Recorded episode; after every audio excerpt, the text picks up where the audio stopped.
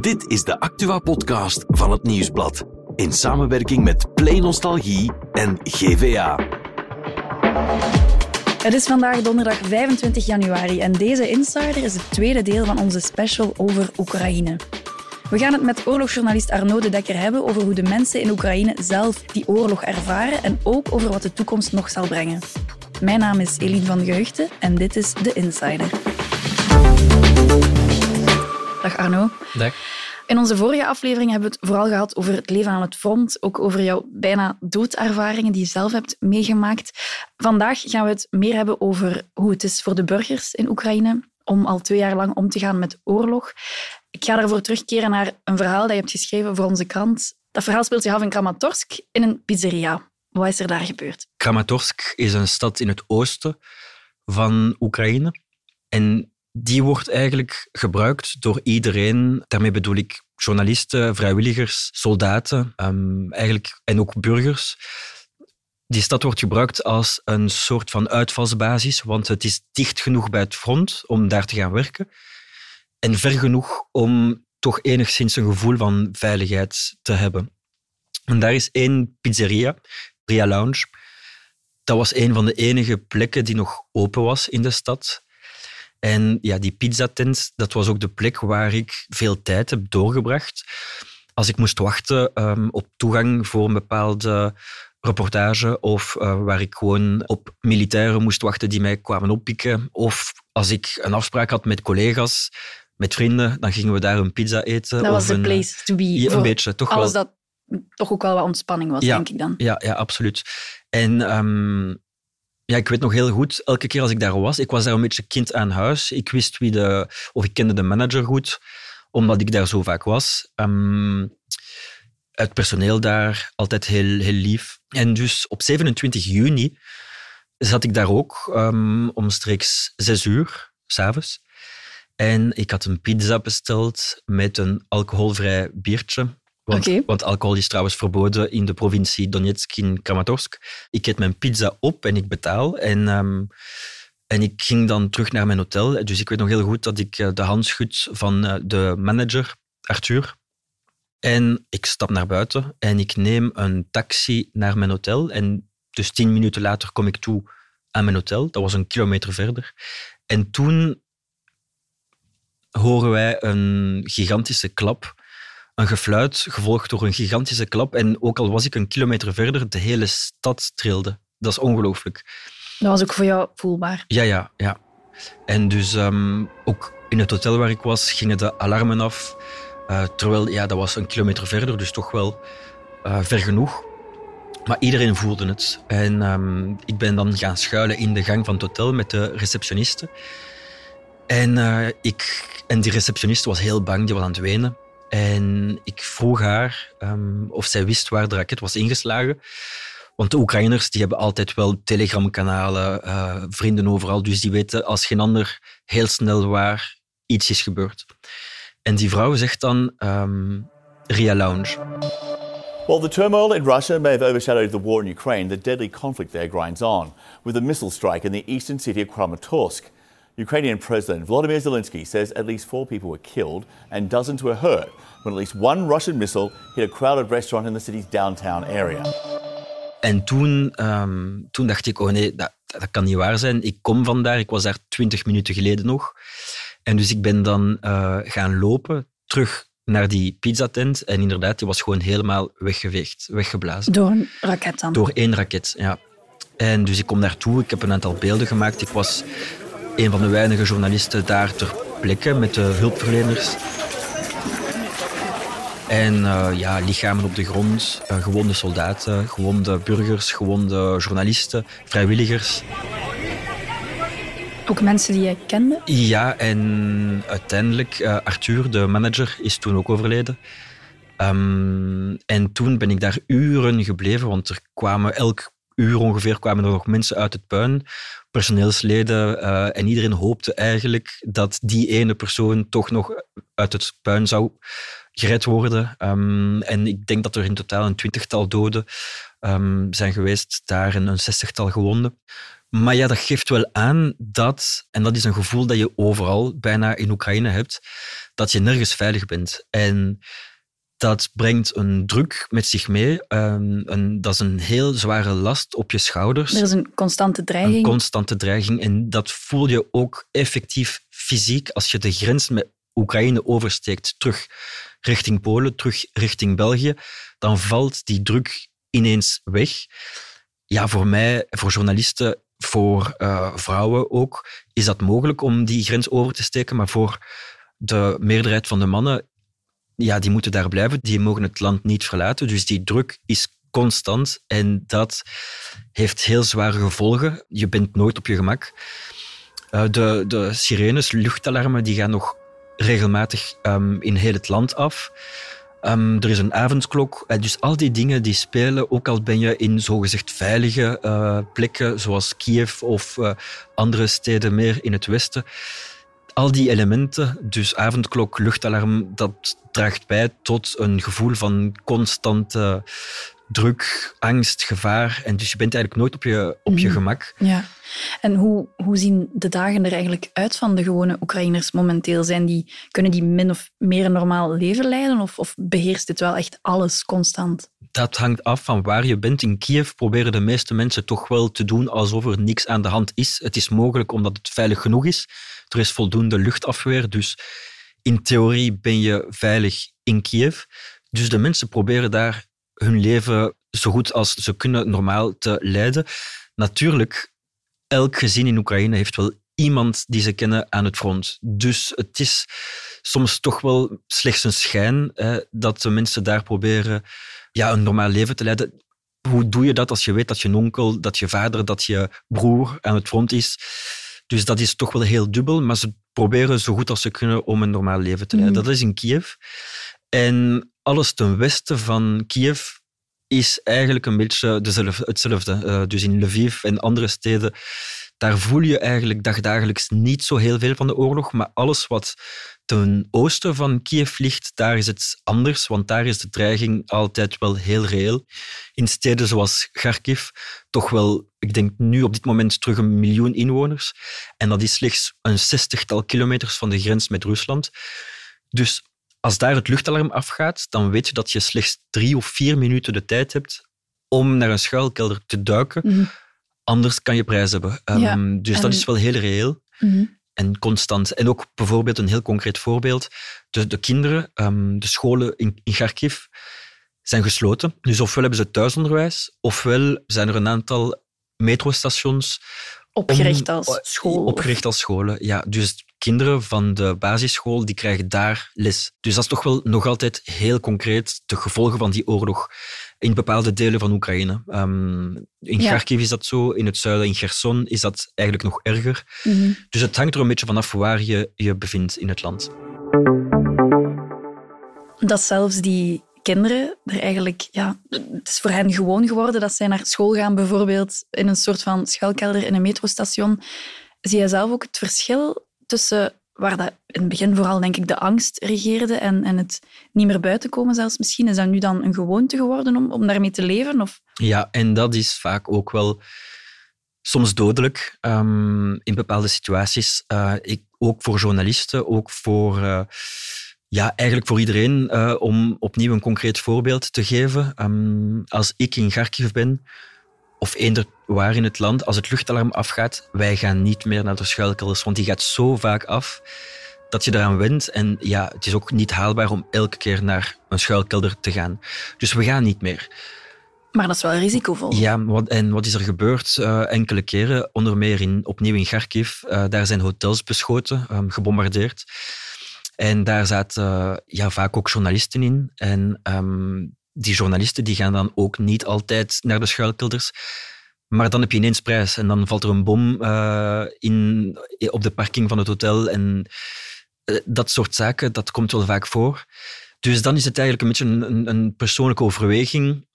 Hoe ga je ermee om? Um, ja, langs de andere kant, als journalist wil je ook niet uh, de enige zijn die naar een schuilkelder gaat, terwijl dat de lokale bevolking eigenlijk daar anders mee omgaat. Je probeert ook altijd een beetje um, in te gaan op de gewoontes van de lokale mensen. Um, de burgers van bij het begin hebben die heel hard ja, geuit dat ze willen strijden voor hun land. Waren ze heel strijdlustig? Is dat vandaag ook nog zo? Of willen zij gewoon dat alles zo snel mogelijk stopt? Nee, dat is nog altijd zo. Um, ja, er zijn nu schattingen lopen uiteen, maar toch wel tienduizenden doden gevallen bij de soldaten, ook bij de burgers. En dus veel mensen daar hebben zoiets van, oké, maar als we nu stoppen, dan zijn al die mensen voor, bij wijze van spreken voor niks gestorven. En dat is onaanvaardbaar voor heel veel mensen.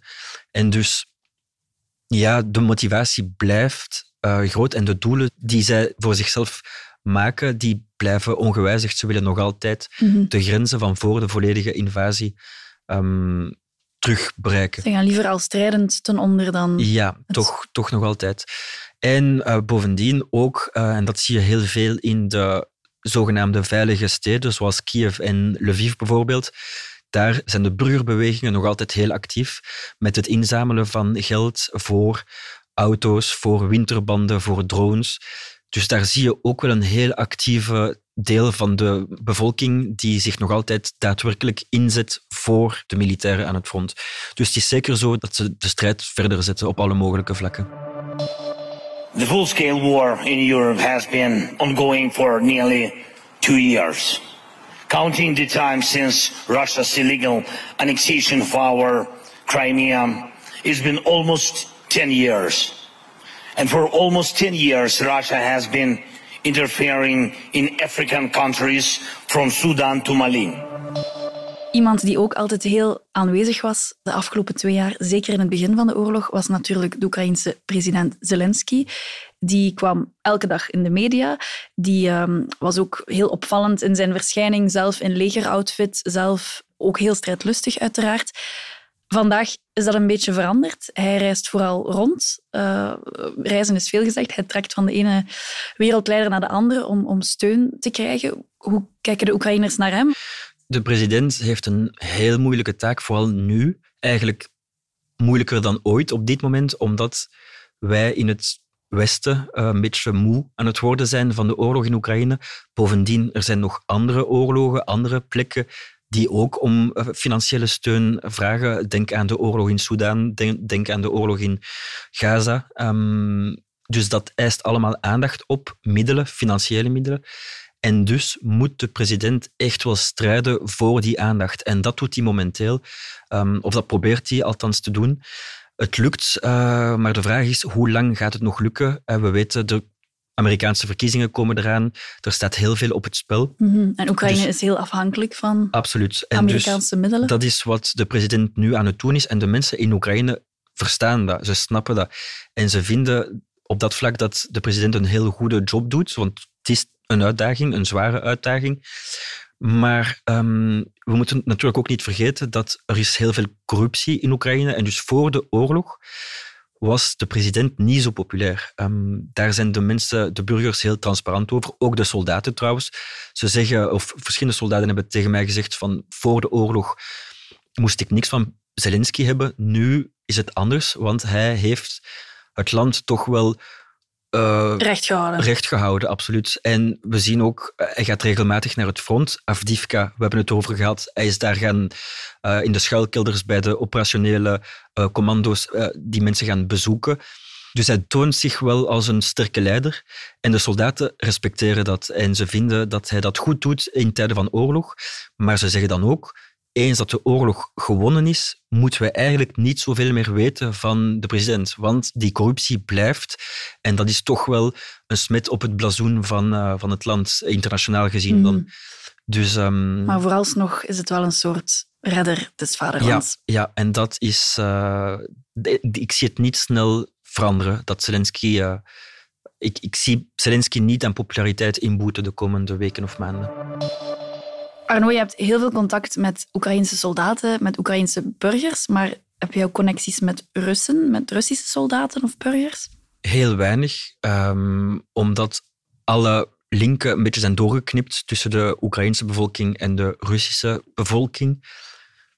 Nu, ik krijg geregeld wel berichten op sociale media, Instagram bijvoorbeeld, van Russen die mijn werk ook zien. Ja, zij weten van jouw aanwezigheid ja, natuurlijk. Ja, ja, en vooral bijvoorbeeld bij die pizzatent die, uh, die is ontploft of gebombardeerd. Um, ik had beelden gemaakt, ik had ze gedeeld op sociale media en dat ging viraal onder meer in Rusland omdat op mijn beelden waren militairen te zien en dus de Russen gebruikten mijn beeld om hun aanval op die, dat restaurant te verantwoorden. En dus ik kreeg heel veel berichten binnen, onder meer van Russische soldaten, die mij beschuldigden van, Hmm. uh, ja... dat waren niet de meest constructieve gesprekken, nee, aan. Nee, nee, maar dus dat toont ook wel aan dat ze... En ik ben trouwens duidelijk geïdentificeerd als journalist, ook op sociale media, dus dat ze mij beschuldigen van... Um, Collaboratie. Ja, collab ja, zo van die dingen, Mm. dat is vrij raar. En, en je merkt ook dat er heel veel haat zit, zit bij die Russen die mij dan contacteren. Dat is echt heel agressief. Maar verder dan dat uh, kan je ook niet meer contact hebben. In de media zijn er heel veel verhalen geweest over uh, krijgsgevangenen die geruild werden tussen Rusland en Oekraïne. Is er dan op geen enkel moment contact tussen burgers onderling, Russische burgers, Oekraïnse burgers, of, of, hoe komen zij in contact met elkaar? Ja, er is natuurlijk wel altijd een opening langs het front is ongeveer 1200 kilometer lang en op verschillende plekken heb je dan wel vanuit de lokale bevolking een bruggetje die ze kunnen slaan om bijvoorbeeld producten te verhandelen. Dus op, bepaalde plekken is dat wel nog mogelijk. Maar uh, een opvallend verhaal uh, is toch wel um, ja, de kinderen die vaak worden gedeporteerd naar Rusland, Oekraïnse kinderen. Een heel concreet voorbeeld is bijvoorbeeld in het zuiden van het land, de stad Gerson. Die was negen maanden lang bezet door Rusland.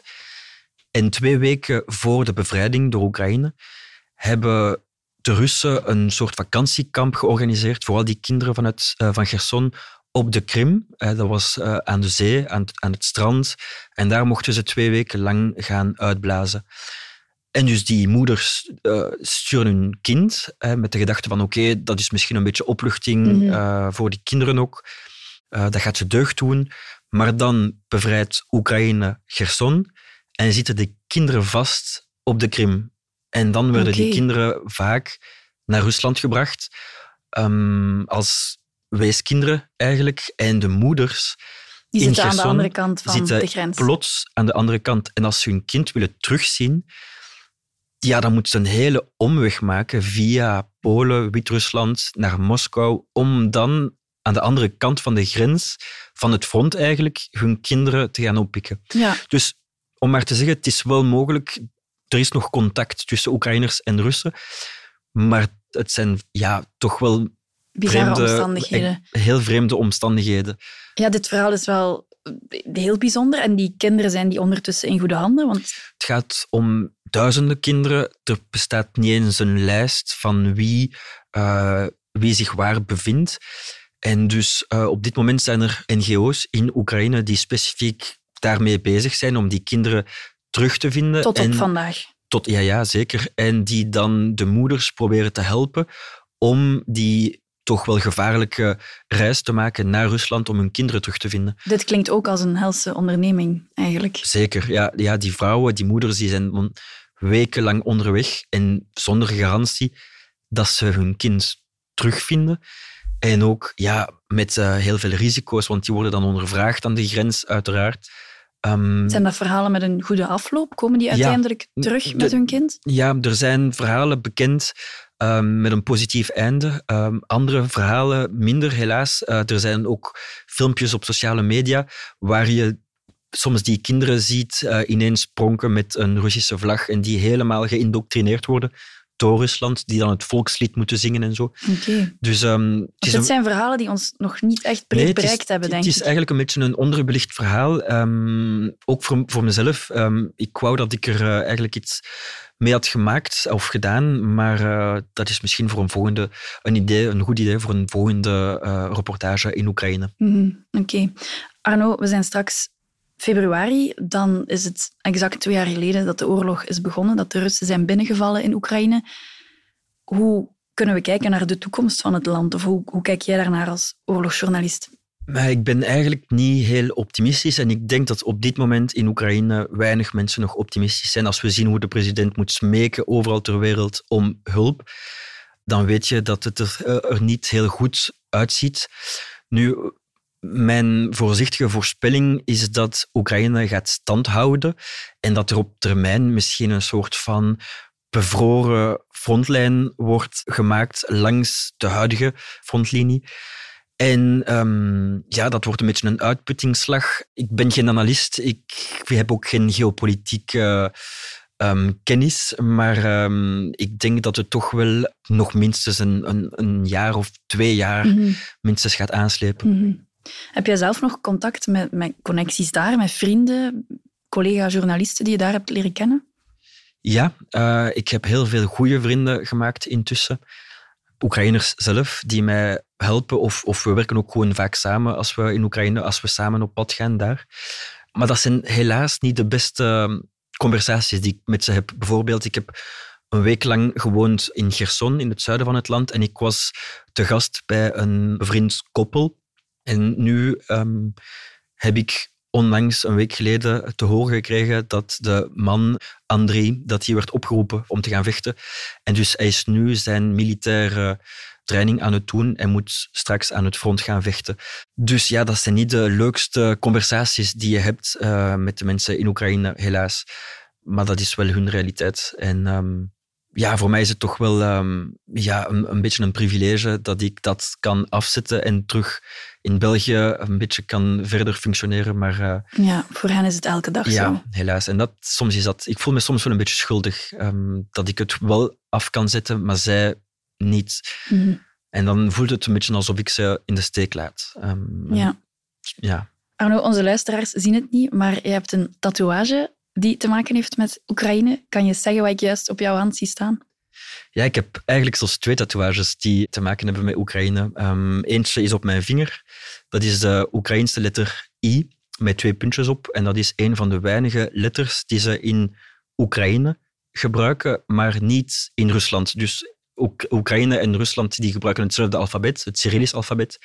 En die ene, dat ene letter, uh, de I, dat is eigenlijk um, ja, het enige die ze hebben in Oekraïne. En dat gebruiken ze dus ook als een beetje verzetsymbool tegen de Russische agressie. Dus ik vond dat toch wel een, een, mooi, uh, een mooi symbolische teken. Ja. Um, en, en, de tweede tatoeage? De tweede is iets, nog iets persoonlijker en eigenlijk ook wel uh, een vrij zwaar beladen tatoeage.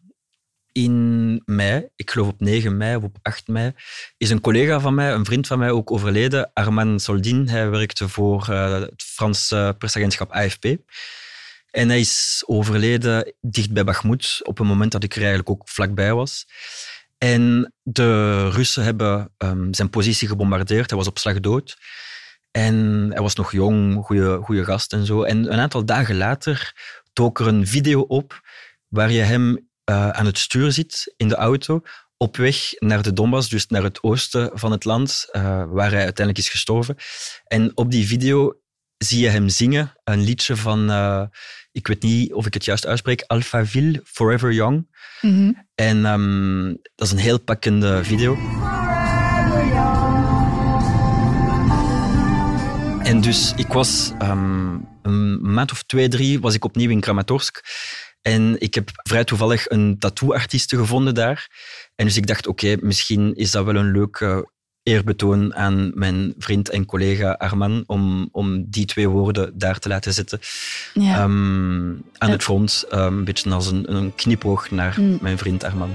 Een verzetsteken en een eerbetoon. Ja.